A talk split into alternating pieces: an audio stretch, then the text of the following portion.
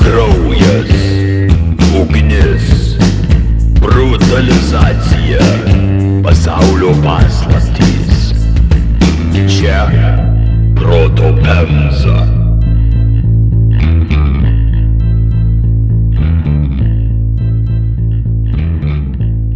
Tomai, man atrodo, gal ir kitiem yra tas jausmas, bet užuodžiat puvančių kūnų smarvę? Seniai buvo. Seniai buvo. Jo, tai buvo nacionalinis Vengrijos kvapas tuo metu. Ar tik tuo metu? Sveiki, įsijungę podcastą Proto Pemza. Patogiausią pateisinimą jūs perversiškom fantazijom, jūs deviantai jūs. Bet čia, nu, ne. Su manimi iš Vilniaus 140 km nuo Punsko sveikinasi krovinų steikų gurmanas Aivaras. Bojėjimo lemų. Naujas sezonas, nauji pasisveikinimai. Pal, naujas Wow, sezonas? wow, wow, wow, juododė. I was not informed about that. Kas darbas? Kiek aš laiko buvau Madeirai? Naujas semestras. Nu, Bet Okay. sezonas tas pats. Nu, jau naujas semestras, tai žinai, nusprendžiau šiek tiek lingalos dialekto įdėti į mūsų pokalbius. Krovinų meri entuziastas Povilas. Labą dieną. bei šviežiai santuokos apkaustais pasipuošęs, prisiuvamas Marijam Polietis, taip ponios liūdna žinia šitam garažą jau nebeprisiparkuosit. Vilius. Labutis. Oi, bet tik tai ponės neprisiparkuo šitam garaže, ne? O iš aukščiausios skudurynų per capita koncentracijos palankės vaivadijoje Punsko. Sveikinuosi aš, didžiausias šitam podcast'e limfos gerbėjas. Biedronkas hateris didžiausias kuris šitam podcast'e. Taip, irgi, taip pat. Šiandien žingsniuosim po geriausių tautų respubliką, kraujo, ugnies ir brutalizacijos pėdsakais, ieškodami atsakymo į klausimą, kas iš tikrųjų buvo legendom apjuosta Transilvanijos magnatė Elžbieta Batorė. Fuck yeah. Ok. Prie jos vardo dažnai cituojamas kosminis 650 aukų skaičius, kas statytų ją in efektyviausių serijinių žudikų olimpą ne tik viduramžių ar moterų kategorijose, ale serijinių žudikų apskritai. Tačiau Elžbieta galimai tapo vienos didžiausių šmeišto kampanijų viduramžiais auka, katros paveldą vis dar tamsina popkultūroje kas tik netingi. Nuo švedų juodmetalio grupės per kompiuterinius žaidimus, komiksus ir poemas, baigiant filmais, serialais ir teatro pjesėm. Apie GTR kalbama, ne? Bet sakyk, kad ji iš Transilvanijos. Ar mhm. GTR kažkada buvo Transilvanijoje? Elžbieta buvo Stepono Batoro GTR valdovo dukterečia. Ok. Prieš žengiant toliau, privalau perspėti, neklausykit su vaikais mašinoj, anei su šaukštu rankoj šito epizodo. Gali būti bjauroka. O, ok. Ai, Nu, davai, Tomai. Šnapso butelių kaukolėse, o čia, žinai, pažiūrėsim. Jo, pažiūrėsim. Nu, vat pažiūrėsim. Verkia gale epizodą. Trumpai labai apie šaltinius. Pagrindinis šito epizodo šaltinis yra Kimberly Clark knyga Infamous Lady – The True Story of Countess Elizabeth Bathory. Taip pat privatus Elžbietos laiškai ir uh, Aleksandros Bartoševič straipsnis Elizabeth Bathory – A True Story. Elžbieta arba Elžabet Bathory inšilogavo į gyvenimą 1560 rūpiučio 7 Nirbator mieste, gimdama turtingiausioj ir įtakingiausioj Vengrijos karalystės šeimoje. 16 amžiui Vengrija buvo padalyta į tris dalis - Habsburgų įtakoj esančią Vengrijos karalystę, turkų kontroliuojamą Osmanų Vengriją, bei tarp jų stūksančią kažkiek nepriklausomą Transilvanijos kunigaikštystę. Elžbietos tėvas, grafas Georgi arba Jurgis VI Batoras, ėjo kaip ant tokios giminės kuklias pareigas.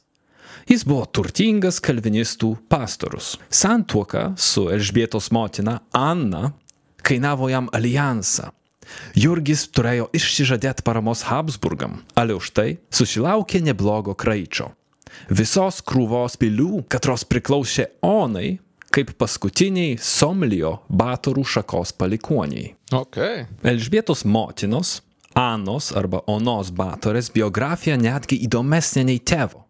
Anot šaltinių, jinai turėjo, ir dabar išrinkit teisingą sakinį, aštuonis vaikus su trimi vyrais, žymų brolį Geter valdovą Steponą Batorą ar giminystės ryšį su savo vyru Jurgiu VI. O galima visus pasirinkti? all, uh, all of none of these. Visi trys. Visi Jo, jo. Ding, ding, ding, trys, ding, ding, ding, Povlas. 16 amžius 3 vyrai 8 vaikai. Aš nesakyčiau per mažai kažkaip. Papa. Trys, ai, okei, okay, trys, ne, ne aštuoni vaikai, trys vyrai? Ne- ne- Aštuoni vyrai, trys vaikai? Ar... Trys vyrai, aštuoni vaikai. Man net gerai su matematika, priminsiu. Ir su geometrija. Tai. Jo, ir paskutinis vyras tolimas pusbrolis jos. Dvi batorų giminės šakos susiėjo ir pagimdė tokį vaisių Elžbietą. Visada gerai žada gerus dalykus. Jo, bet tolimas Jo. pusbrolis, žinai, čia kelintos, kelintos eilės. E, nu e- jo, Esminis. Jau kaip po pirmos eilės, tai jau ten neskaičiuoju. Hei, draugai, mes visi tam tikrą prasme esame pusbroliai ir broliai. Tai Taip, pažiūrėsim, Elžbieta, kas per garažas buvo.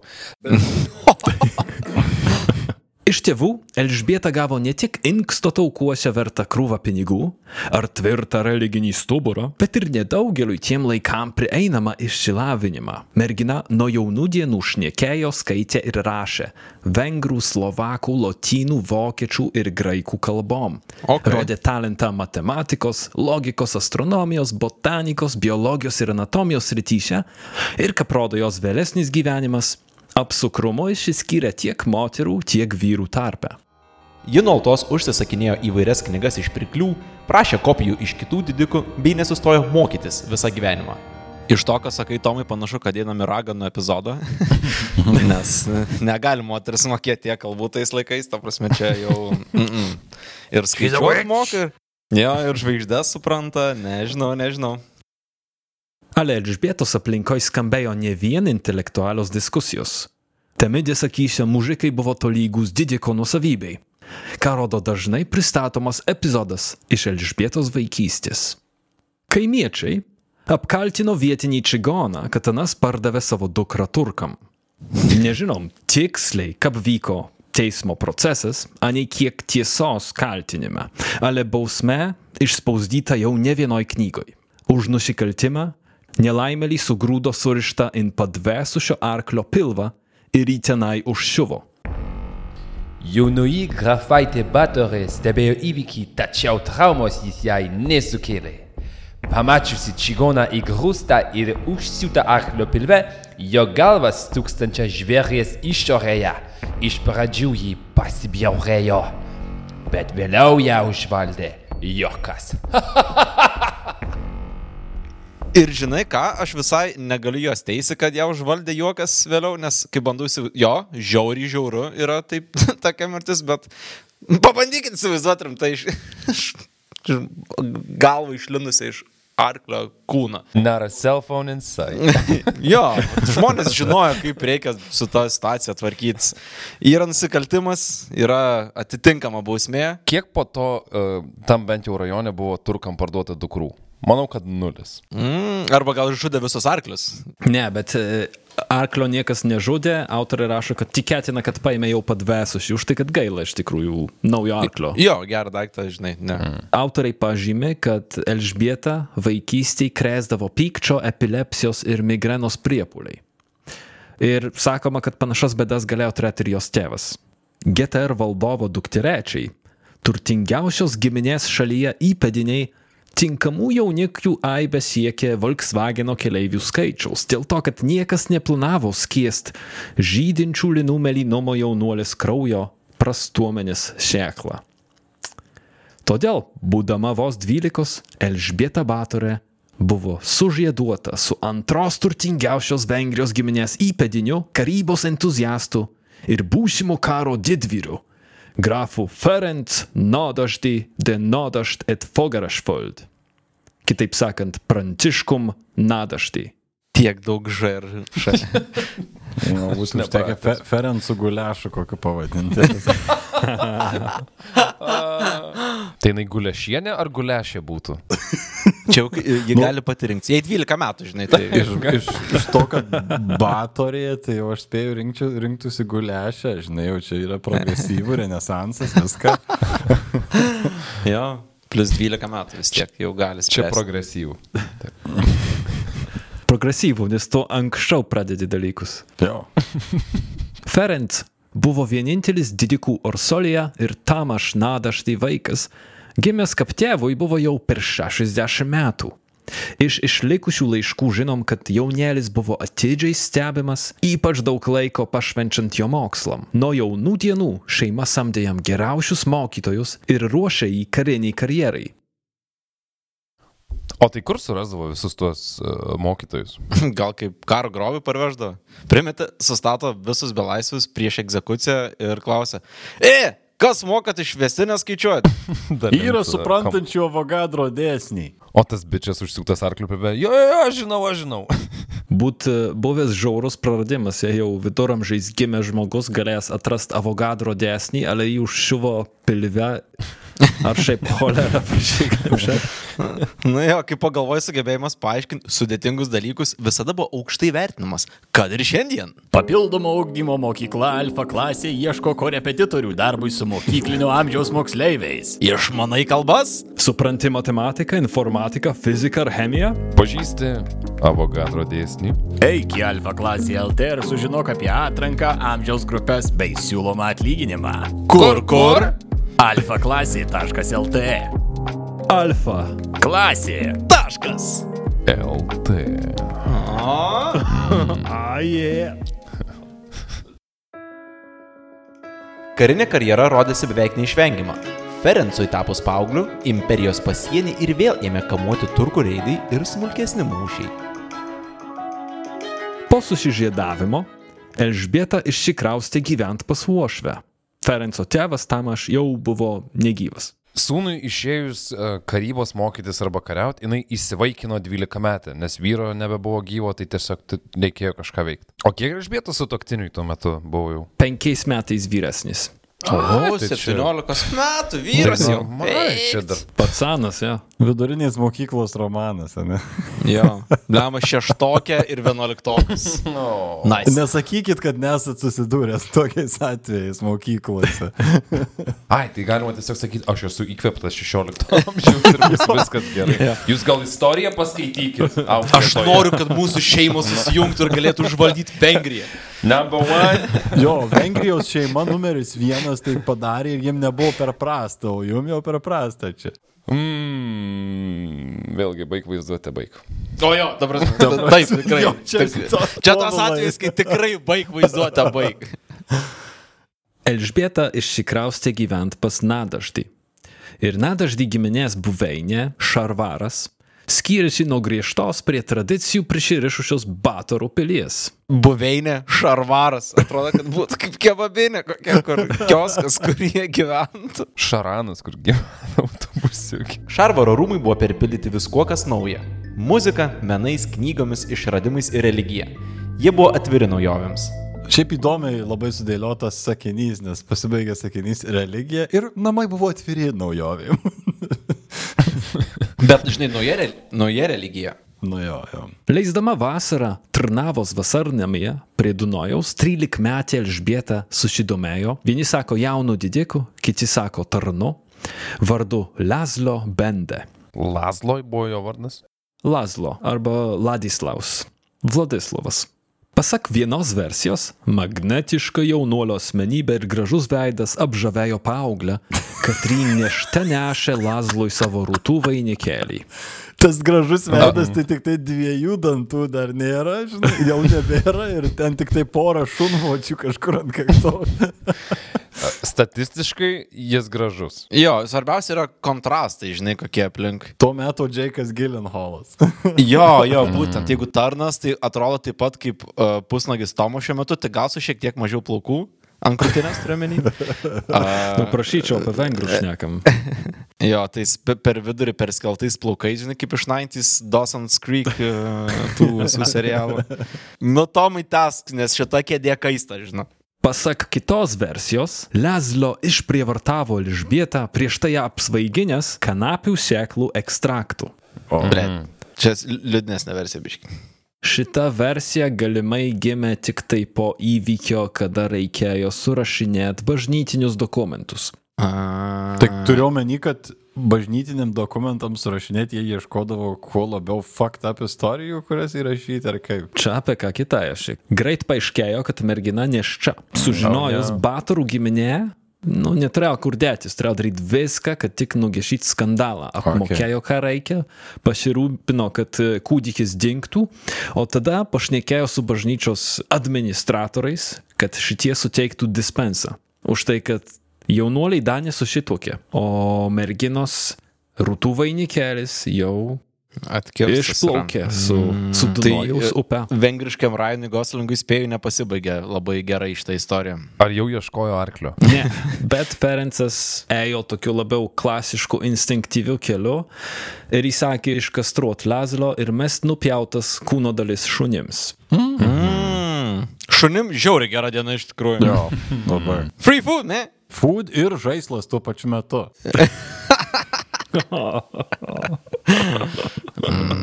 Suvaidinę, kad viskas yra ok, 14-metė Eržabet ir 19-metis Ferenč 1575 susituokė. Skamba kaip labai laimingas santokas pradžia, žinai, jau toks uh, vienas iškastruotas.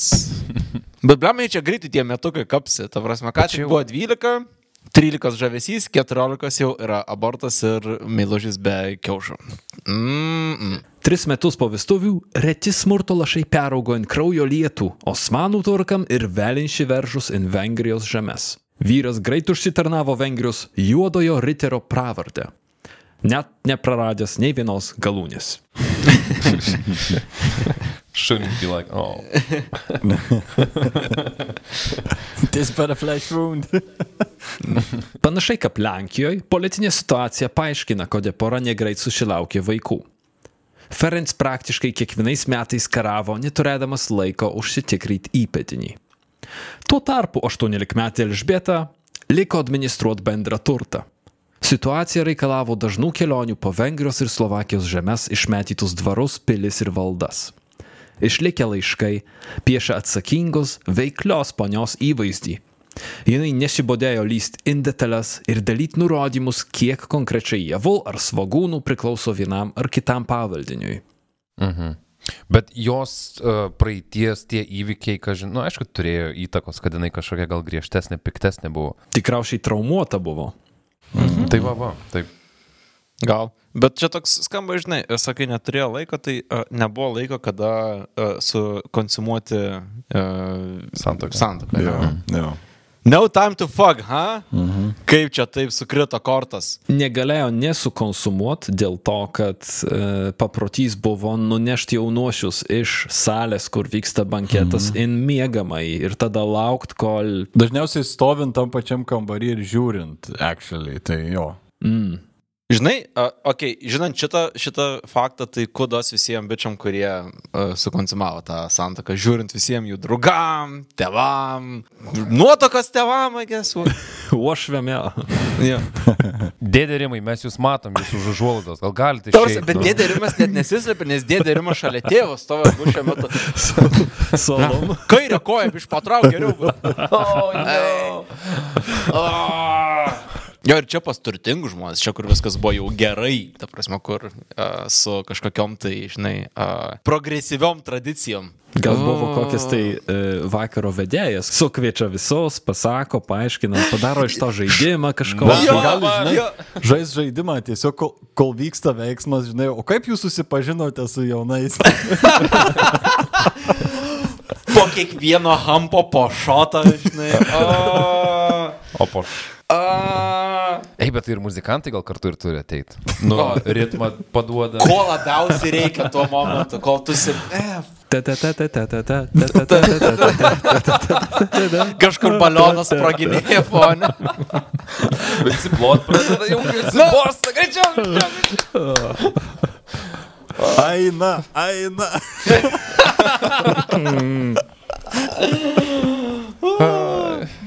Įprastą dieną Elžbieta leido laiką prižiūrėdama valdas, vadovaudama personalui, konsultuodama su savo patarėjais, diktuodama arba rašydama laiškus, mokėdama mokesčius, peržiūrėdama dokumentus, apžiūrinėdama rūmus viduje ir lauke, bei priimdama svečius. Tai žodžiu, užsėmus Bobą. Mm, ok, ok. Elžbietos portfolio atsirado ir sveikatos apsauga. Kaip skaitom pas Agnieszka Bartoševič. Viena didžiausių grafienės aistrų buvo gydymas. Kiekviena didikė jos pilyje privalėjo išmokti anatomijos bei gydymo pagrindus. Elžbieta netgi pasamdė Aną Darvuliją, akušerę ir gydytoją iš Vienos. Jinai specializavusi chirurgijoje, kraujo leidime, žaizdų deginime su karšta geležimi, bei auglių ir apgamų išpjovime. Lemba, kaip ten nebuvo nuobodu. Pjausant apgamus. Mhm. O, išvaizduoju nuobodesnių veiklų. Medicininiam, o mažam ir rekreaciniam tikslam Elžbieta savo rūmose laikė taip pat kanapės. Be abejo, mhm. kanapės buvo naudojamos ir virvė, medžiagai, popierų ir papušalam, ale panašu, kad grafienė vartojo ir kanapių žiedus. Nieko mažiau nenorėčiau nei žmogus su skalpeliu rankai, kuris ateina kažko man išpjaut, kuris yra totally fucking high to moment. Dr. Nick iš Simpsons. O kaip daktaras, kuris rūpinasi, kad būtų pakankamai ibuprofeno pily? Tada labai gerai. Vat vienas iš Elžbietos laiškų yra adresuotas tarnui vardu Imre Vašvarį, katris įsisavino be leidimo Elžbietos atsargas. Kaip PC įsisavino jos atsargas. išrūkė jos darželį. Kur mano maišelis? Gerai žinote, kad jei Dievo duota taika sugražins mums mano vyrą, privalėsite atsakyti ir paaiškinti, ką daro. Serė, jūs gerai žinote, kad tai yra jau antras ar trečias mūsų laiškas kanapių klausimų ir vis dar nesulaukėme atsakymo. Negalite pateikti paaiškinimo dėl to, kas buvo paimta. Esu stipriai supykusi ir nenoriu daugiau tęsti šio klausimo. Nu, tai žodžiu, mėgo parūkyti savo. Bet savo. Long story short. Savo. Bet savo. Hei, o kas buvo už uh, nuvoktą stešą? Sekančio laiško nėra. Aš manau, kad buvo Oh, no. Šunims gera diena buvo. Arba nusipus arklio viduriai, arba geras vakarėlis šunims buvo. A, įsivaizduoju tą uh, rūmų kieme pokalbį su to tarnu. Nu, tai kaip tau paskutinis jointas buvo? Tas... Ką? Aš dar visą maišą. tai- pirmas Eržebet ir Ferenco vaikas, dukra Ana, gimė 1585, tai yra net 10 metų po santuokos pradžios. Jis dešimt metų kariavo? Karavo, grįžta trumpam, Jo, grinai, grinai, no time to fuck, visiškai 10 metų. galop pora susilaukė net penkių vaikų ir suaugusio gyvenimo uh, sulaukė tik tai trys vaikai - sūnus ir dvi dukros. Vaikam Elžbieta užtikrino gerą išsilavinimą ir dar geresnės vesailės. Ir nors pati jų neaugino, šitą atsakomybę atidavė tarnaitei Ilonai jo, ale laiškuose vyrui skaitom, kad Elžbieta stipriai rūpinasi savo atžalų sveikata. Ale kasdienybė apsivertė vieno pyradianų, kai lyga smogė Batarų ir Nadaždį šeimos centrui, Ferencui. Ir štai santokos domino žlugo kaip kortų namelis. 1603 metais mirtis jam tarė Šachas ir Matas. Aplink Elžbietos turtą, kaip patrankų mėsos išalkę bairaktarai, vis šiauresnius ratus sukė karūna, bažnyčia, osmanai, Habsburgai, nedraugiški didikai, žentai, o netgi neištikimi tarnai. Po vyro laidotuvių Elžbieta sumokėjo visas jos skolas ir tęsė labdarą, apmokėdama stipendiją studentam bei remdama liuteronus. Tačiau vyras nepaliko jos tik su skolom. Ferenc prieš mirtį įpareigojo artimiausią draugą pasirūpyti jo šeima. Tas draugas - karo didvyris, politikos reformatorius ir būsima dešinioji imperatoriaus ranka - Falcgrafas Georgi Suržo. Gerų draugų gavo.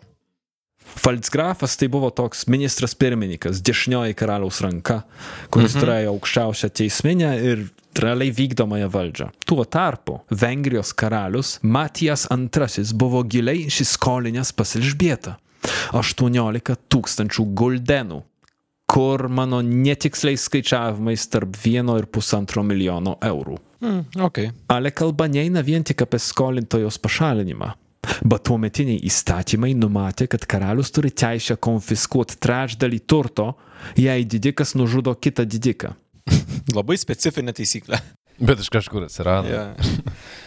Šitiep vienas du smūgių karalius tikėjosi išspręsti visas savo problemas, o svarbiausias konspiracijos instrumentas - Baturų giminės draugas Falcgrafas Georgij Turzo. Karalius, Habsburgai, jų pakalikas Turzo ir jo suokalbininkai Elžbietos žentai buvo pasiruošę šokt grafieniai į gerklę ir taršyt kaip brišius dešrą. Kaip Lazlo kiaušus, greičiau. Tai. Parneša, kad mestum vėl. Bet jau tik vieną. Snack and play.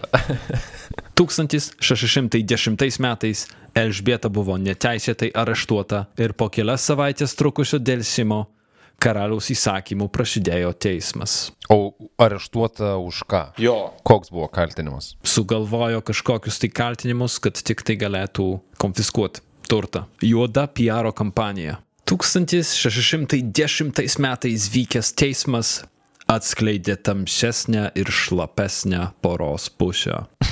Mm. Šlapesnė kuo? Krauju. Kraujo ir limfa. A, okay. Nežinau, kodėl jūs juokitės, bet, nu, okei. Okay. Pirmas incidentas Elžbietos gyvenime. Kraujas ir... Oh, shit, he did it again. Eržebet ir Ferenco santokos vis dėlto nepavadytumėm tipinę. Ilgus atsiskyrimo laikotarpius nutraukdavo juodojo riterio ir jo palydos apsilankymai Šarvarą. Ferenc parsiveždavo ginklus, žirgus, gyvulius bei karo grobių pripildytus vežimus - audinius, kilimus, baldus, muzikos instrumentus, šilką, brangakmenius ir auksą. Anot Clark, jo pilys priminė kažką tarp muziejaus ir sandėlio. O šykio jis taip pat parsiveždavo krovinas karo patirtis. Okay. Liudininkai teigia, kad Ferenc parodė žmonai, kaip palaikyti discipliną rūmuose. Taramai nusižengusiam tarnaitėm tarp kojų pirštų prikiždavo aliejų išmirkytų papirukų ir tada juos pakurdavo. Mm. Beigi, Ferenc dovanojo žmonai specialų įrankį. Letiną su aštrais nagais, kad rakap pirštinę užsidėjus Elžbieta galėjo naudoti aukų pjaustimui, raižymui ir dūrimui. Freddy Kruegerio Okay. įrankis kažkoks. Jo. Jo, jokingesnė prasme, Ferenco išdaigo su spardomom galvom uh, primena kažkokį tai girtų britų užsiemimus. Spirkiau. Jo, Ka kažką tą. Bet jįgi nedalyvaudavo mūšiuose, ne? Jis tą pirštinę laksydavo po pilį ir galėdavo... High five ant visus, kurie jai Jo, nepatinka. ok.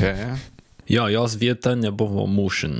Nu, namie buvo ką veikti. Ferenc netgi pasidalino savo mėgstamiausiais kankinimo metodais atsineštais iš mūšio lauko, tarp jų pasmaugimo kabutėse turkiškų stilium. Ar turkiškų stilium būtų paguldyti žmogus su raudona kepurė ant žemės? Paguldytam pilvo, Ok, ir tada... atsistot ant Ok. surištų rankų ir taip kaip rogių vadžias smaugt. Na, nuotrauka, kurią mes matom klausytojai, tai smaugiamasis tikrai netrodo liūdnas dėl viso šito įvykio. Šiaip Sakyčiau, toks- smogiantysis liūdnes. Jo, smaugiantysis liūdnas, o smaugiamasis toks maslus, mąstantis apie sprendimus, kurie atvedė galiausiai iki šitos situacijos. Elžbietas vyras pamokė ją šitaip smaugti savo tarnus, realiai, ne? Wow, turėjo būti vienas seksualiausių nutikimų jų gyvenime, žinai, kai uh, jis bandė jai papasakot, kaip visą tai turi atrodyti. Tikriausiai pasėmė tarną pavyzdžiui. O. Ta, kur stešą pavogė. Bet jie suartėjo per smurtą gal. Tai gal bendras sadizmas gelbsti santokas. Vėliau turėk omeny. Ok. Gabrieliai klausai. Tarnų dar neturim, nėra ko praktikuotis. Tai.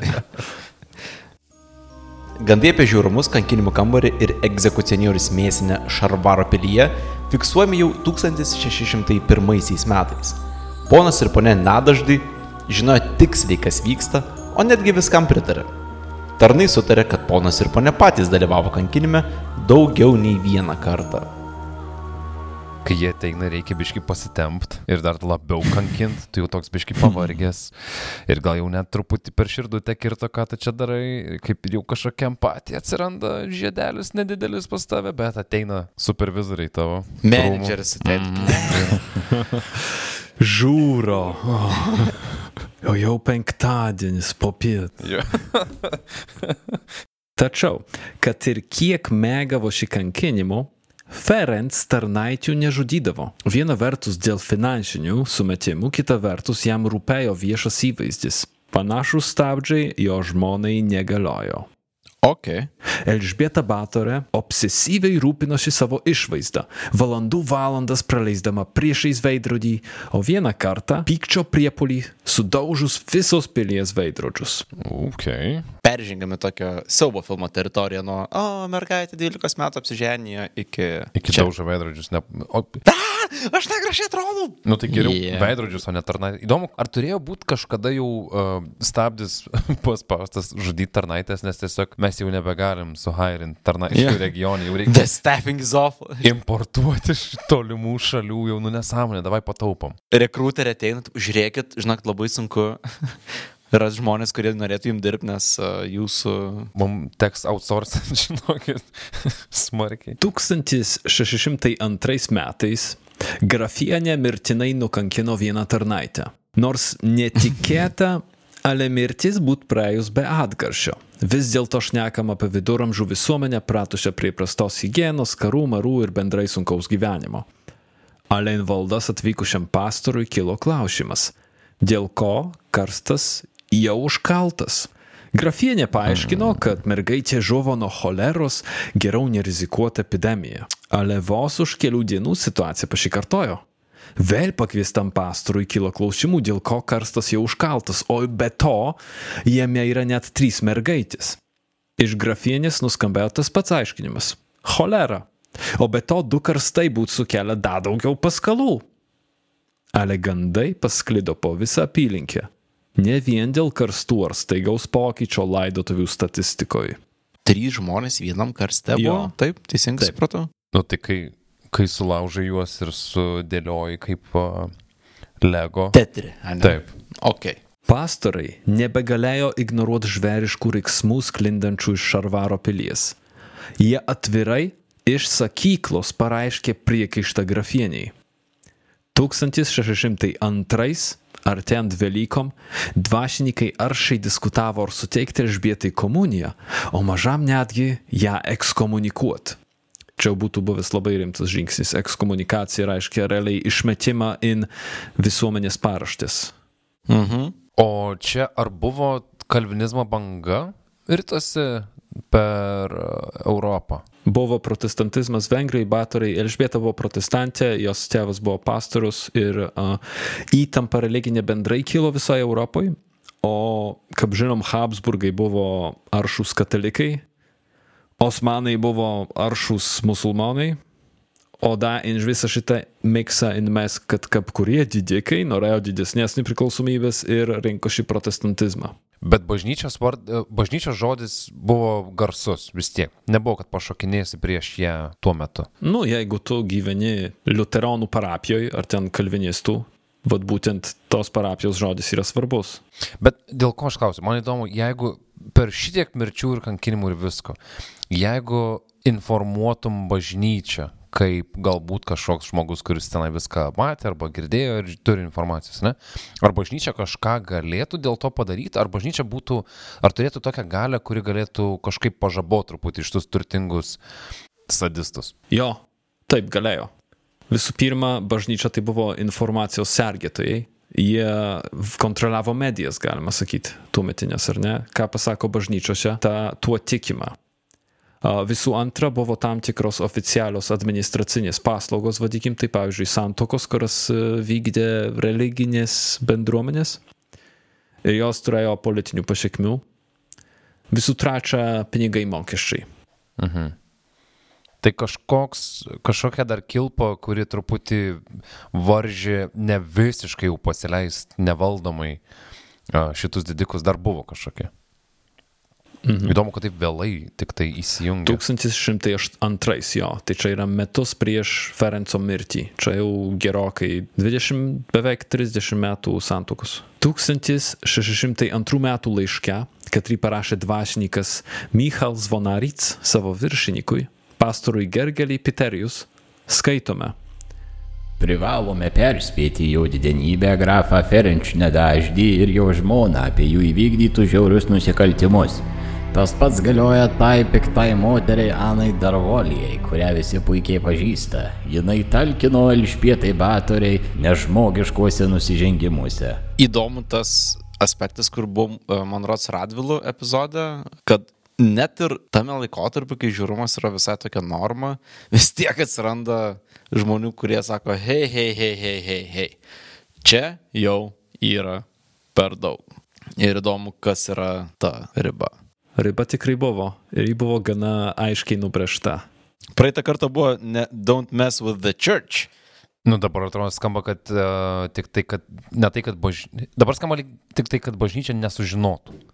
No, ale iš karo grįžęs Ferencas užglostė skandalą, veikiausiai su nemenka auka Luteronų bažnyčiai bei stipendijomis Wittenbergo universiteto studentam. Gyvenimas Batarų valdoše tęsiasi lyg niekur nieko. Tačiau 1604 palaidojus Ferencą, Elžbieta prarado finansinį stabilumą, politinę apsaugą bei paskutinį normalios psichikos inkarą. Vyro mirtis akivaizdžiai koreliuoja su Elžbietos psichikos deterioracija. Laisva daryti, kaip panorėjus, grafienė liejo visas susikaupusias nuoskaudas, stresą, pyktį ir baimę dėl neaiškios ateities ant nieko dėtų jaunų mergaičių. Bet koks apsileidimas pareigose buvo traktuojamas kaip priežastis brutalizuoti ir žudyti jaunas tarnaitės. Jei netinkamai surišo medieną arba blogai išlygino grafienės rūbus, jei neužkūrė laiko ugnies žydinį ar nespėjo laiku užbaigti privalomų siuvimo ir taisymo darbų, jei nesukabino deramai prijuoščių ar nesudėjo į vietą galvos apdangalų. Prasikaltusi mergaitė būdavo nedelsiant išvaroma į kankinimų kambarį. Kai kuriais atvejais jos būdavo kankinamas 10 kartų per dieną. Vienas liudininkas pasakoja apie kankinimo sesijas, trukusias daugiau nei 6 valandas. Ok. O kaip tada išlaikyti savo darbuotojus? Tu gali išeiti, pavyzdžiui? Ne. Kur? Kaip tarnaitė. Ką aš žinau, lauk, tolyn. Į gyvenimą. Be Jo, kankinimo. man šitas klausimas ir dažnai e, kyla tokiose situacijose, kur anywhere is better Taip. negu, negu čia. Bet uh, tikriausiai ne. Buvo bandymų bėgti. Buvo, buvo. O ne, jeigu tu vadini bandymais, tai jau blogai. Yeah. Jas, pavyzdžiui, dažnai surakindavo nakčiai tiesiog. Gamba, sunku, sunku suprasti iki galo, ar Kimberly Clark turi menį 10 kartų per dieną kankina tą pačią tarnaitę, ar Elžbieta tiek pasileidus plaukus, kad ji, na, skirtingas tarnaitės kankina 10 kartų per dieną, kas reiškia, kad jinai sėdus yra žiauriant šitos adatos šiuo metu. Turint omeny, e, kad tai truko kelis metus, manau, ir tas ir tas variantas įmanomas. Fuck. Ta pirštinė pagalasta buvo visą laiką, man atrodo. Wow, psichologinės traumos ir labai daug pinigų labai negerai uh, nueina. Čia jau net ne. Įsivaizduoju, koks uh, užburtas ratas užsisuka, kad tu iš tos įtampos, kuri yra sukelta tavo darbdavio ir darai klaidas. Ir tada už klaidas moki sveikata, fizinė ir psichinė. Ir... uh, Klausimas, kaip jas kankindavo, bet nu, turiu nuotą, kad sužinosim tomai, ne? Brutalizacijos Elžbieta nevykdė vieniša. Lyg prisižiūrėjus Tarantino filmų, Eržabet turėjo nuosavą mirtinų angių žudikų būrį. Ana Darvulija.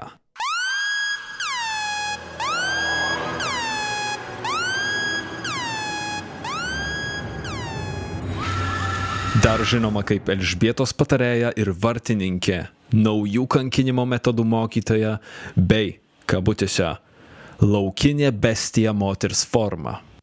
Mm. Ši šitą pagyvenusią moterį galim vadyti kankinimų architektę, kad išmokė Elžbietą ir kitus komandos narus naujų teroro technikų. Mėgstamiausias jos metodas - surišti aukos rankas ir smūgiuot buku geležiniu instrumentu.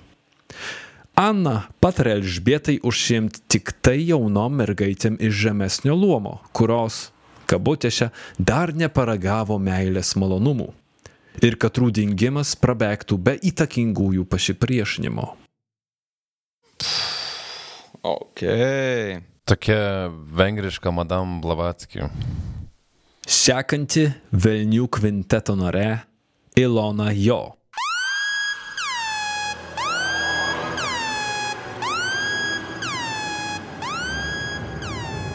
Moteris tarnavo kaip batoris vaikų žindyve, ale tikra šitos pagyvenusios našlės aistra atsiskleidė vėliau.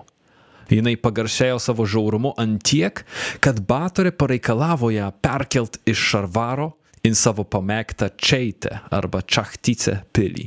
Tai pasiėmė arčiau namų, ne? Taip gerai kankino, kad... Taip. Dorotija Dorka Senteš.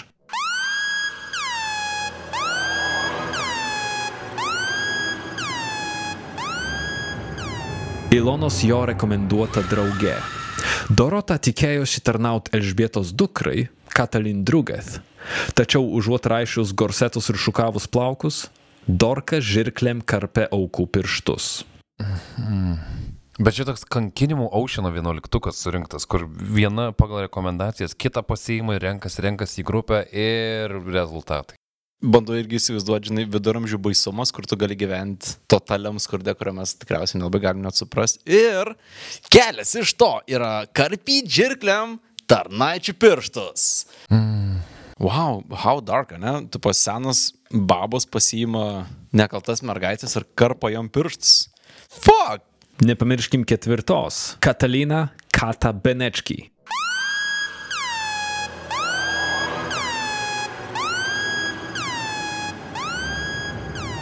Avansavus iš skalbėjos, inskraudėjo. Katalinos pareigos apėmė kūnų laidojimą ir slėpimą.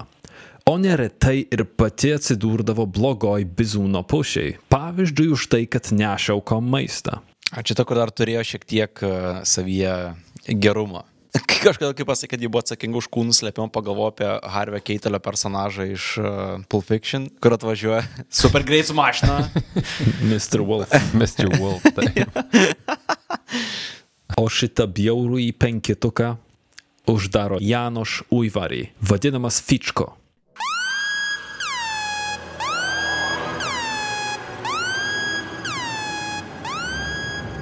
Berniukas internystė Elžbietos rūmose pateko vos aštuonerių ar dešimties metų. Mažam pardavė jį vergystėn, o mažam jis buvo pagrobtas iš keliaujančio cirko, už tai, kad Fičko kentėjo nuo kūno deformacijų, it nuosavas grafienės Igoris. Oh, fuck. Fuck. Kaip ir, ta prasme, tave jau kankina ir tada ateina uh, katedros kupriukas, kuris yra... Ah. O! Pičko vykdė visas grafienės užgaidas, kas veikiausiai padarė jį itin naudingu. Jis lakstė po valdas, kur panorėjęs, įsiveldamas į muštynės ir vapėdamas apie paslėptus kūnus ar žmonės, kuriuos nužudė. Bent vienas liudininkas teisėjas paskundė į grafienį, tačiau jinai nieko dėl to nedarė. Tai jis lakstydavo po rūmus ir sakydavo, ha ha ha ha ha, ha ha ha ha, nužudžiau, nužudžiau ir... Va čia užkasiau, va čia užkasiau. Jo, ir vienas teisėjas atėjo, ponė grafienė, Gal galit užsirakinti? gal galit savo kupriuką padėti atgal į pilį, kur jam ir vieta? 1605 metais mirė vyresnis Elžbietos brolis - Ištvanas arba Steponas. Kelionėje link Batorų gimtinės, Ečet, grafienė tariamai mirtinai nukankino tris tarnaitės ir įsakė palaidoties net nepasiekus tikslo. Pakeliui atgal, viena mergina, naujokė, neišjausdama situacijos pradėjo skūstis, kad yra ištroškus, sušalus ir jai reikia pas nykštukus. Nugirdus jos dėjonės, grafienė inšiuto ir užlaužė jai ranką. Mergaitė ištrūko iš jos nagų ir pabėgo, ale netoli. Batoris pakalikai greit ją sugavo, O tada grafienė įsakė surišti į burną ir nurengt, tada pastatyti ją opiai iki pat kaklo ir pakartotinai laistyti ją vandeniu gruodžio speigų sukaustytuose kalnuose. Ok. Waterboardina upiai. That's new. Jo, jinai greit mirtinai sušalo. Vieną tarnaitę apkaltinus vagystę, Batorė inkaitino monetą iki raudonumo ir įspaudė ją mergaitės delne. Vienas liudininkų aprašė, kad vienai tarnaitei Eržabet įsakė užsiūt lūpas ir pradurt pro siūlas išlindušį liežuvį. Panašu, kad siuvėjos nekarta patirdavo pilną brutalizacijos paketą. Apkaltytos per lėto arba netikslių darbų, jos būdavo nurengiamos nuogai. Laimingos šios tarnaitės būdavo tiesiog mirtinai uždaužomos bukų daiktų. Kitom Batorė paruoždavo baisesnį spektaklį. Įsakius išties ranką, jis smogdavo jai su geležiniu rimbu, laužydama delną. Tada numetusi medžiagą ir adatą, įsakydavo tarnaitį siūt. Negalėdama pakelt sulaužytos galūnės, mergaitė būdavo subadoma tą pačią adatą, kol galop jos laukė tas pats rimbas arba botagas. Ok, jau ryškėjo tie 650. Apie ką minėjai pradžioj. Platus žvėriškų grafienės nusikaltimų portfolio nestokojo ir ugnies. Kankinamųjų rankos būdavo deginamos, liudininkų teigimu, iki pelenų. Kita kartą kankintojai inkaitino gelžgalį iki raudonumo ir su juo aukas išprievartavo. Bet ar ekskluzyviai tik tarnaitės, tarsi moteris buvo kankinamos, ar... ar... Nu, Jau, jaunesnės, jaunesnės mergaitės, merginos, a, nu, kur negalėjo būti kažkaip sukelt šaršalo tarp įtakingų žmonių. Čia nebuvo aukos, kurios galėjo priešytis keturiom bobom ir berniukui. Mm. Čia jau panašu atėjom į serinių žudikų e, pasaulį. Netikėtai įsliūkinom į, į, šitą, į šitą vietą. Ir darosi po truputį įdomu iš tos pusės Elžbieta pati, kaip suprantu, netlikinėdavo tų būsimų. Nu, ji pasakydavo, spėčiau, stebėdavo, bet ne, pati nedegino, pati nedarė. Autorės teigimu pati Elžbieta irgi dalyvavo. Jinai irgi kankino. Vat iliustracijai. Vieną kartą Elžbieta sunegalavo ir negalėjo atsistoti iš lovos. Tada jinai įsakė atvest prasikaltusią tarnaitę į savo kambarį ir stipriai ją sugriebus, grafienė ėmė kandžiuoti ją į veidą ir pečius, atkasdama mėsos gabalus. Damn, ta prasme, ok. Jau čia biški per daug, gal net man atrodo visko. Ar tikrai įmanoma patikėti, kad toks žiaurumas niekaip nesuvaldytas, kai yra kažkas, kas galėtų tam nors kažkokį tai padaryti, kažkokią padaryti įtaką stabdančią? Kaip šitaip išsikerot? Nes čia atrodo kaip, kaip ten pakeliui uh, į laidotuvės tris tarnaitės nužudė. Taip? Nukankino, atsiprašau. Pakeliui į fucking laidotuvės. Nu, čia tas pats kaip, kai neturi ką veikti, kai veikti žmonės ir tiesiog, nu, tai eisiu parūkyti, ne? Tai čia lygiai tas pats atrodo. Tai gal reikia eiti nukankinti kažką, žinai, nu, kaip, va. Ar ne aristokratai, ypač turtingiausia šeima tose žemėse, gali daryti, ką nori, tai nu, čia turbūt yra tame ir labai nemažai tos tiesos. Man tiesiog vat, šitas atvejis su iškandimu mėsos, nu blema, nu nėra taip lengva iškast žmogui mėsos gabalą gyvam tiesiog nu, savo dantim paėmus. Mergaitės prirakydavo prie stalų ar sienų, o Elžbietos dukros vestuvių proga pilies darbuotojai ap, aptiko keletą mergaičių surištom rankom, pakabytų prie metalinio karnizo už savo plaukų.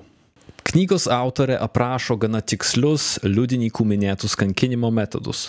Aukos būdavo verčiamos e, vartytis ant dilgėlių, badamos adatom in lūpas, po nagais, in nošis, liežuvius, pirštus, pečius ir rankas, surištos, plakamos botagu in krūtis ir nugaras, deginamos in kaitytą geležimi in rankas, pečius ir papilves, oda būdavo lupama nuo nugaros su replėm, mėsos nupjaunamos nuo nugarų ar pasturgalių, iškepamos ir jomis būdavo sušeramos tos pačios tarnaitės, delnai ir pėdos praduramos peiliais, plakiamos, kol mėsa nukrisdavo nuo kaulų, bei laikomos šaltam vandenį. Aš turiu vieną klausimą. Kaip dilgelis iš viso pateko iš tą sąrašą? Nes, nu, visa kita Prano... pranoksta. Pranoksta šiaip. Kartais, dešimtais kartų kankinimus. Aš rinkčiausi dilgelės. Fakit, pasivoliosiu, atsikelsiu, gal paverksiu panešties, bet lupt odą nuo nugaros su replėm. Nu, tikrai ne e, šitą prestižinę profesiją tarnaitės buvo, bent jau tam regione. Oi. Paklausa pabū- tikrai buvo. Jo, žiauriai, žiauriai gera paklausa. Oi, bus tarnaitį, nereikės, vat, vargti, karą kokį. Jie, bitch. Nežinai, Atrodo, kad pusės, visam jo. kontinente buvo ne kažką dirbti tarnaitę. Jaunas kolektyvas, pastovus grafikas. Jo, laiku mokamas atlyginimas. Laiku dėl to, kad jie niekada nereikia mokėti. Lo, mais, maisas ir replės uh, ant nugaros. Oi, sorry, šito ne, neturėjo būti. Darbo įrankius užtikrinam. Mokymų galimybė, va čia yra. Mm. Pletkai ir gandai. It juodvarnių debesys rudens naktį. Užtemdė diskusijas toli už Šarvaro ir Čachtice pilių perimetrų. Ko pasiekoj? Šviežo kraujo šaltinis išdžiuvo. Valstiečiai slėpė savo dukras, atsispirdami siūlymam pralopt ar suras dukrom tinkamus jaunikius. Todėl Elžbietos pakalikai buvo priversti keliauti vis toliau ir toliau, iki pat vienos, kad suras naujų aukų. Ale šitos kelionės tamšia ir bjaura prasme atsipirko. Keletas didikų ir tarnų abiejų lyčių sukūrė visą mergaičių tiekimo ir prekybos tinklą. 1609 metais įgavo šį oficialų lyriškai mistinį pavadinimą Ginekeum. Ginekeum tai yra Elžbietos Batorės etiketo akademija aukšto gimimo merginoms. Barakudo akademija. Eskorto Hogwartsas, ne? Mm -hmm. Kur išmokys tu jas kaip Kur elgtis. diplomas? Mirtis. Nu, toks atrodo suspirija, žinai, uh, scenarijus. Mokykla pritraukė ne vieno didiko dukrą, norinčią įgauti aukštuomeniai deramą išsilavinimą. Bėda ta, kad nerašytas akademijos statutas numatė tik tai du tikslus - užtikrinti pastovų aukų srautą ir užlopyti augančias biudžeto skylės. Mat pritrūkus Ferenco, nebeliko ant pilį atvežamo karo grobio, anei politinio užnugaro, kad jis leistų išsireikalauti skolų gražinimą iš Vengrijos karūnos. Bet tai dabar įvyksta šiftas, kad jinai pereina nuo tarnaičių, nu tų less than dead ar ne versijos tuometinės prie aukštuomenės atstovų. Ir aš manau, kad čia jau turėtų kvepėti pabaigą netoli, nes čia jau pradeda žaisti su ugnimi panelyti. Oho, nežinau, tuoj pamatysim. Šituo momentu Elžbietai aukos gimimas nedarė jokio skirtumo.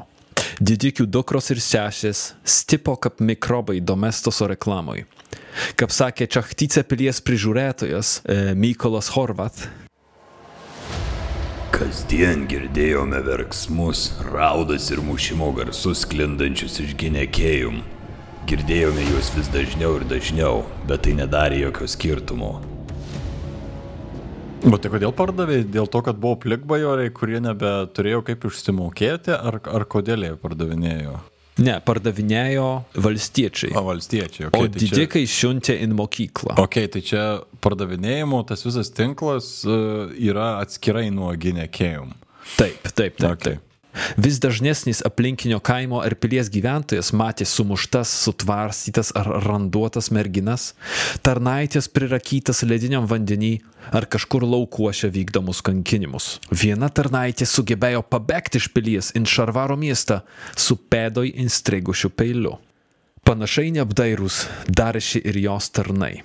Ir pridurkim, kad viskas, ką Batorė darė su valstietėm, buvo legalu. Nes jų nusavybė. Jo, praktiškai. Jos nusavybė. Panašiai neapdairūs darėsi ir jos tarnai. Fičko, deformuotas grafienės pakalikas, nešidrovėjo garsiai skelbt vietos karčiamoj, kad planuoja paslėpti penkių mergaičių kūnus po kanapėm. Kita kart, Septynias ginekeum nukankytas mergaitės užkašė darželin prie pilies, ale tarnai patingėjo kas giliai ir juos greit iš ten ištraukė apylinkiai bešibastantys šunės. Šunim yra nuostabus periodas iš tikrųjų. Aha. Ir pramogų, ir maisto. Nu. Kaip vėliau teigė pats Fičko. Penkis kūnus vėliau išmetėme duobę, du į kanalą čia į sodį, bet vieną jų vėliau išsitipė šunis. Du naktį išgabenom iš pilies, kur buvo nužudytas, į lėčiastį ir palaidojom prie bažnyčios. Senė paslėpė ir palaidojo negyvėlės. Čia, čia čia pats palaidojo keturias. Dvi lėčia tyčia ir vieną kerestūrę ir vieną žarvarę. ir kitas buvo palaidos su giesme. Su gesme reiškia e, su kunigu ir su raudom ir su procedūra visa. Bet visi ir visos turėjo visą tai aplinkui matyti. Iš viso tai tie pakalikai net pradėjo nesigaudyti, kur tuos kūnus dėt. Kaip katruos jie sugrūdo po lovom, šienoše arba sandėliuose. Galop jūs pradėjo tiesiog metyti už pilies šienų, tikėdami šį, kad kūnus suės vilkai. Savaičių bėgi Elžbieta ir jos pakalikai nužudė visas akademijos mokinės. Geras festas jiem buvo. Woodstockas 16.0 kiek 9. Jo. Čia į parapiją perėmęs pastorius, ponikėjas, negalėjo daugiau taikstyti su situacija. Laiške savo viršnikui jis rašė. O, neišsakyti žiaurumai. Niekad po šiuo dangum nevaikščiojo baisesnis žudikas. Bet aš negaliu tęsti, nes širdis man kraujuoja, kalbant apie jos nusikaltimus. Amen. Ponikėjaus laiškas, kaltinantis Elžbietą Batorą kankinimu ir žudimu, pagaliau privertė pradėti oficialų tyrimą. Turzo atsidūrė nepavydėtinoj pozicijoje. Viena vertus, karalius tikėjosi griežčiausio teisingumo. Kita vertus, Turzo prižadėjo rūpytis Elžbietą ir jos vaikais, o netgi buvo geras jos draugas. Laiškuošė vadino vienas kitą pusbrolių pusšešerą, kvietė į savo vaikų vestuves ir kartais netgi vienas kitą aplankydavo. Tai Turzo, ištikimas karaliaus, bet visų pirma Habsburgų šalininkas, nedelsdamas ėmėsi darbo. Jis išsiuntė du savo tarnus su nurodymais. Išsiuntė savo du geriausius FTB tarnus. Mhm. Žinai, kaip iš Mindhunterio tie du. Jo, jo, jo. Kai tik jūs pasieks šis laiškas, įsakau apklausti kiekvieną dvasininkų, didikų bei kitų luomų garbingus atstovus, vyrus ir moteris. Nepaisant paties Falsgrafo siūstų tyrėjų detektyvų, liudininkai nepateikė nenuginčiamų įrodymų. Kažkas girdėjo riksmus, kažkas matė kraujo dėmę, kažkas kažkam papasakojo apie tris merginas vienam karste. Įrodymai nepakankami, kad Turzo turėtų pagrindą areštuoti grafienę. O jinai irgi nesnaudė. Supratus savo situaciją, Eržebet surašė testamentą, išdalydama visą savo turtą savo trims atžaloms. Georgijai 1610 m. gruodį prieš kalėdas asmeniškai aplankė grafienę jos pilyje Čeitė. Ale psichotiškos sadistės brandulį slepia tvirtas ir slidus fasadas, kaip rašo Clark. Jinai buvo neįtikėtina aktorė galinti su šypsena meluoti ir apžavėti. Viešai Elžbieta palaikė stoiškos ramybės įvaizdį. Visa jos elgsena rodėsi normali. Kitų aristokratų akivaizdoje jai buvo toli gražu nuo susivėlusios beprotės ar piktos harpijos. Nu ir kaip manot, Turzo kažką išlošė? Neįtin, turbūt. Gal netgi pralošė už tai, kad grafieniai sukelti nervai ir stresas pareikalavo dar kelių aukų. Iš vis autorė pastebėjo, kad visi tie e, ypatingo streso laikotarpiai koreliavo su, su kankinimais. Jis šitaip išsiliedavo. Mhm. Mm, streso valdymo tas kamoliukas toks. Galėjau tiesiog pasimtos laslo bolus ir sukti jos rankoje kaip tos budistinės ir būtų gal apsiraminus viškai. Ale Falsgrafas nepasidavė. In katės ir pelės žaidimą Georgis atsivedė liūtą. Tų pačių metų kūčių vakarieniai pas grafienę atsivedė patį Vengrijos karalių. O, šie. Išgirdus apie karaliaus ir falsgrafo vizitą, Elžbieta metaforiškai prišiko in visus batus. Jinai nežinojo tikslaus turzo plano, Šiaip. Nenurašyčiau, kad ir ne tik metaforiškai galėjau prišykti Jo. visus batus. Smagu, kad ji tokia kreizė, kad reikia pažymėti, kad metaforiškai prišiko jo. visus batus. Nu, bet iš streso tikrai nudobė dar kokią nors tarnaitę. Vietoj džantok. A, tokia žinai nervuojasi, bet iš to kratulio ir krato kurią nors tarnaitę ir pasmaugė. jinai nežinojo tikslaus turzo plano, jo turimos informacijos, anei kiek žmonių dalyvauja konspiracijoje. Paranojos ir baimės vedama, ji atsisuko pas vieną patikimiausių savo patarėjų - miško raganą Eršį Majorovą. Už tai, kad negalėjo istorijai pritrūkti raganų. Reikėjo lapais aplipusios smirdančios moters kažkur vis tiek. Elžbieta Rodos visada domėjosi kerais ir okultizmu. Pavyzdžiui, vienam savo laiške jinai dalinasi su Ferencu patarimu, kaip tinkamai parinkti vištą ir išlieti jos kraują, kad pakenkt savo priešam. Peršygandus artėjančių karaliaus vizitų, jinai ieškojo būdų, kaip tapt kabutėse nematoma savo priešam. Kitaip sakant, jinai siekė atsikratyti valdžios rūpeščio. Todė grafienė kartu su ragana iškepė specialų pyragą, panaudodama purviną vonios vandenį, vandenį iš upelio ir kitus specialius ingredientus.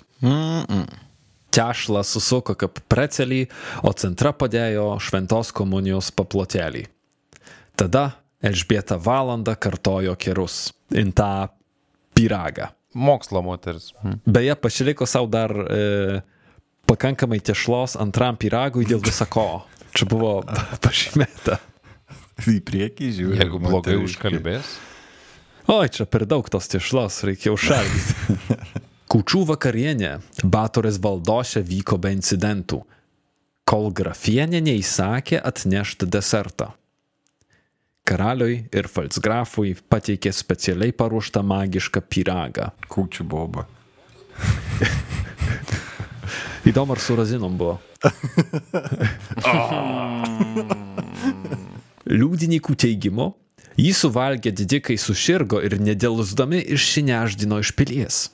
Nežinom, ar Elžbieta planavo nunuodyti svečius, ar tiesiog juos užkerėt, ale magiškas pyragas pagaliau padarė tai, ko negalėjo padaryti Turzo tyrimas, šimtai liudininkų ir didikų suokalbis. Privedė prie oficialaus Elžbietos teismo. Ne, ne žmogžudystės, bet tai, kad apsitriedė gauja bajorų. Pakankamai užtenka, kad pakankamai svarbus žmogus apšitriestų ir Fucking hell. slėpkite. Jau problema. Tai galėtume sakyti, kad jinai pati sušiko reikalus. Kaip žinom, grafieniai kučių vakarienė su Turzo ir karalium baigėsi tragiškai. Ale duok skęstančiai pirštą, o jį griebėsi viso šaudo. Elžbieta kartu su ragana Erzį Majorova tuoj po vakarienės patraukė laukan. Stebėdamos žvaigždės, jos pradėjo svaidžiotis kerais, katrus įsakė užrašyti vienam iš tarnų. O užrašyti liepėt, kad nepamirštų, ar, ar kodėl? Nesupratau, bet e, gal tiesiog, žinai, pagalvoju, kad čia toks cool momentas, taip kaip nuotrauką daryti, taip jie užrašyti norėjo. Gelbėkit, o gelbėkit debesys! Gelbėkit debesys, suteikit sveikatos! Suteikit elžbietai bateriai sveikatos! Atsiųskit, o atsiųskit čionai jūs debesys! 90 kačių! Įsakau tau, kačių valdove, kad išgirstų mano šauksmą ir surinktum jas iš bet kur, iš už kalnų, iš už vandenų, iš už jūros. Surink 90 kačių ir išsiųsk jas tiesiai į karaliaus Matijaus ir Falsgrafo širdis. Taip pat lajos suėda į gabaliukus raudono megėrį ir Mozės Ziraki širdis, kad Elžbietos batorės kančios pasibaigtų. švenčiausiai trejybė, tebūnie šitaip. Damn, she crazy. She crazy. She Ir kas įdomu, kad vis tiek šaukėsi švenčiausiosios trejybės kažkodėl tai. Nors veikia lyg ir prieš viską, kas yra gera, bet švenčiausioji trejybė turi vis tiek ten likti. Matai, negali galvoti iš už dėžės ribų, niekas vis tiek yra suspausta šito. Ei, bet ji nori 90 katinukų pasiūsti tiesiai į jų širdis. Visai mielą, ne? Jo. Taip. Nu, kad jie Grit- sugrinkštėtų, ne tai, kad... Tai, obi, tai aišku, kad piragas buvo ne juos nužudyti, o tiesiog... Uh, Kačių valdovui Su- skirta. ne, kad jiem tik blogą pasidarytų, bet niekas nieko nenori žudyti, dabar nori tiesiog, kad, nu, jūs nepykit labai. Įsivaizduoju savo, kad taip galvojo, ne, nu šventai dvasiai 90 kačių tai jau tikrai sugebėt turėtų, čia tai jau tikrai menkniekis. Ei, šventai dvasiai menknekis, o karaliaus ir falsgrafo širdim turėtų užtekti. Tai čia irgi buvo, man atrodo, skaičiavimų daryta pakankamai. Mhm. Planas visas paruoštas. Toks, žinai, ta math lady ir tada gaunasi mm, 90. Kiek kačių vienam žmogui reikia. Tai vienam kem 5, nes čia dviem 90. Čia irgi gal, žinai, 90 yra vyriška dozė, nežinom, kiek moterim reikia. Turzo kitą rytą atsikelia. "Ku- Iš kur atsiek kačių?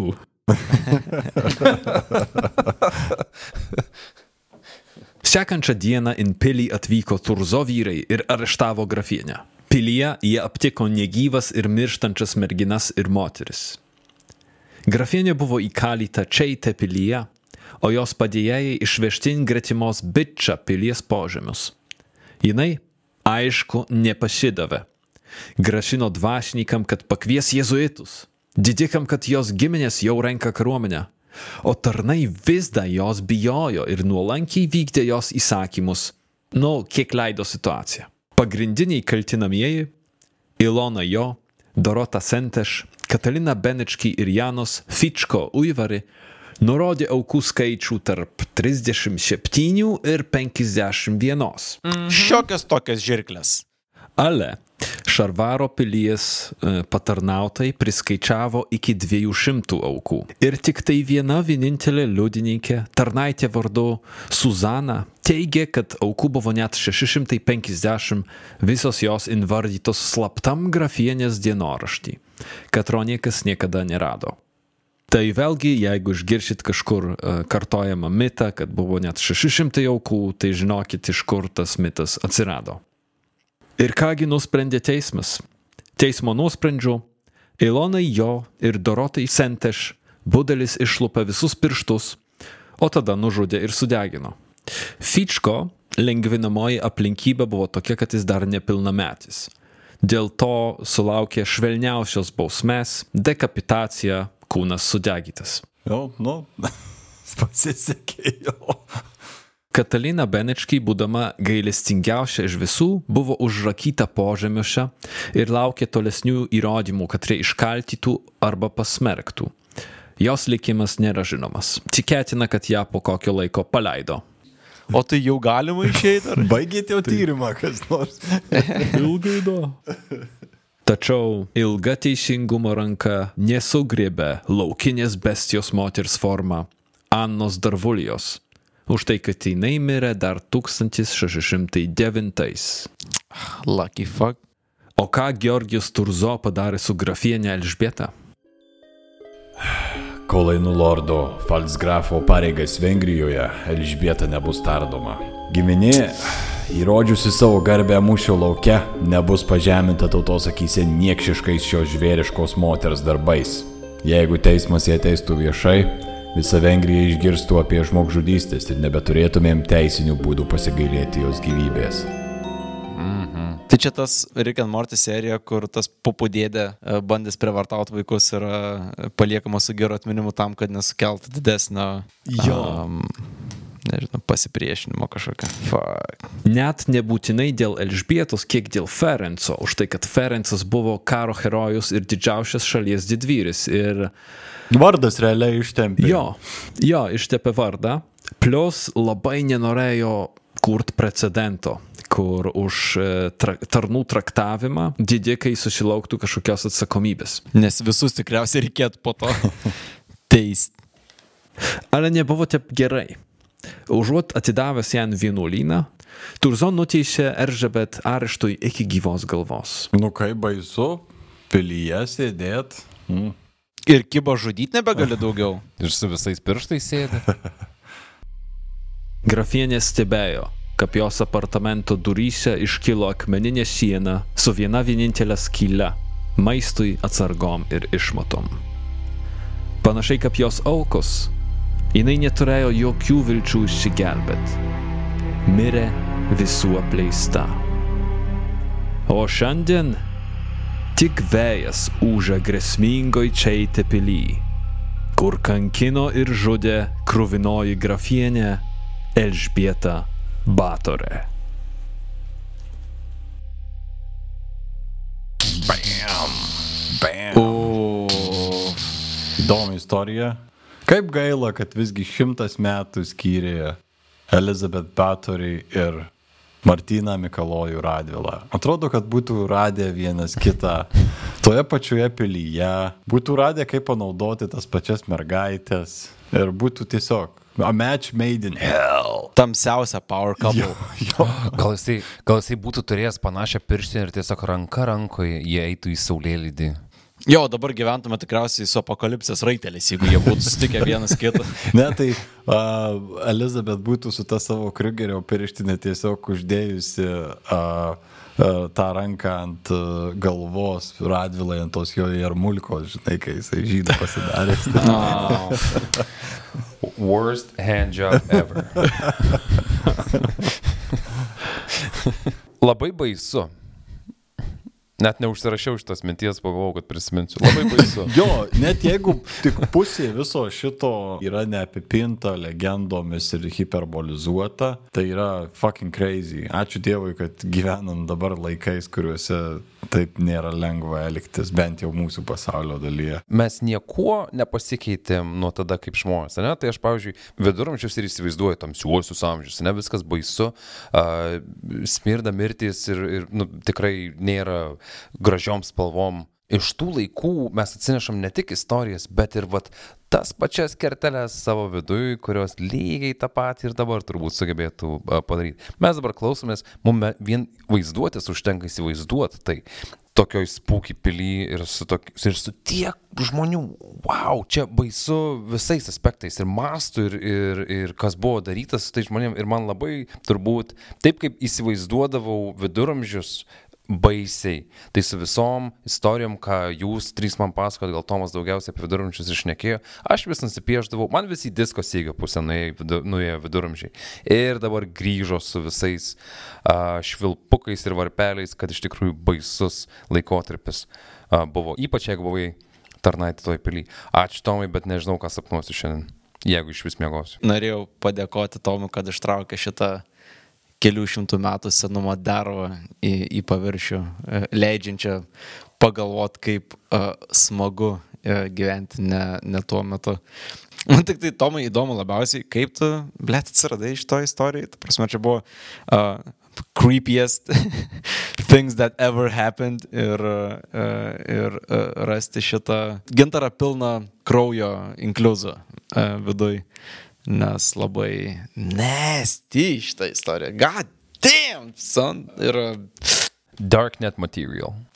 jo, jo, visiškai. Man kažkaip sunku patikėti, kad ten tiek šimtų buvo, nes labai sunku suprasti tą kliksmų, šauksmų, mirties ir nevilties kiekį uždarytą vienoje erdvėje. Su...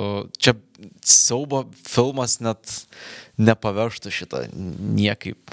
O, oh, wow. Čia, čia net ne miniseries būtų. Čia jau Geras miniseries išeitų, bet labai on adult series. content šitoj, šitoj vietoj. Čia Netflixas tikrai mums nerašytų dėl šitų, dėl šitų dalykų. Su liūdėsiu, bet išjausdamas ir tam tikrą ekscitaciją iš klausytojų turiu pranešti, kad visų aš dar neišsišaudžiau ir dar yra tokių istorijos kortose užrašytų ypatingai bjaurų žmonių aukštose pareigose. Ačiū Jums, ačiū už Jūsų kantrybę, Pabaigai noriu pridurti mūsų klausytojam, kad hei, kviečiame mūsų kontribį. Ten yra daug pramogų, daug fainių dalykų, papildomo turinio.